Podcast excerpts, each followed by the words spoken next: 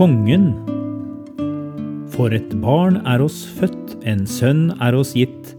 Herreveldet er lagt på hans skulder.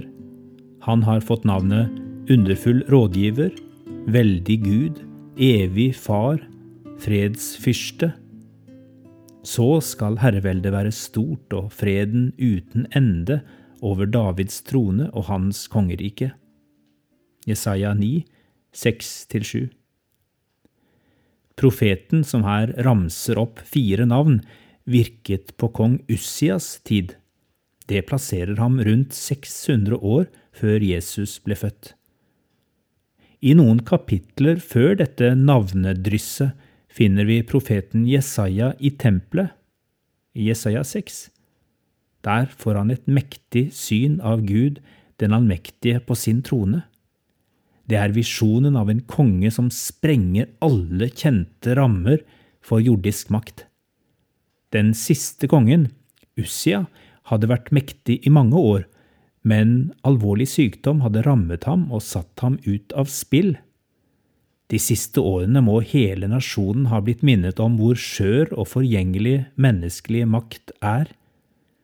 Guds kongevelde er annerledes på alle måter.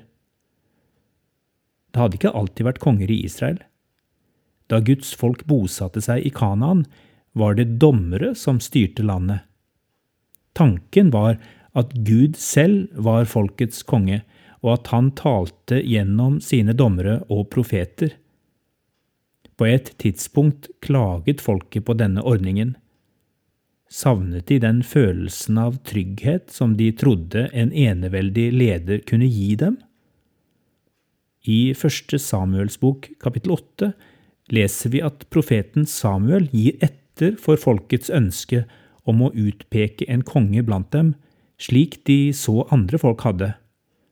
Men de ble advart om farene ved å legge så mye makt i ett menneskes hender.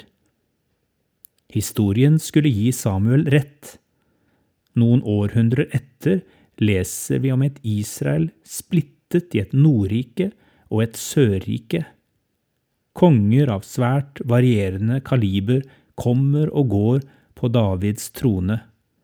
Et fåtall lytter til Guds stemme. Det er på den tiden at en forunderlig visjon begynner å ta form. Kanskje er profeten Jesaja en av de første til å målbære den. Gud er fortsatt den egentlige kongen, slik Jesaja en gang fikk et nesten fryktinngytende glimt av ham i tempelet. Men så annerledes, ja, nesten uforklarlig, er Guds kongevelde, at han på én og samme tid skal fremstå som allmektig far og et avmektig lite barn, midt iblant oss.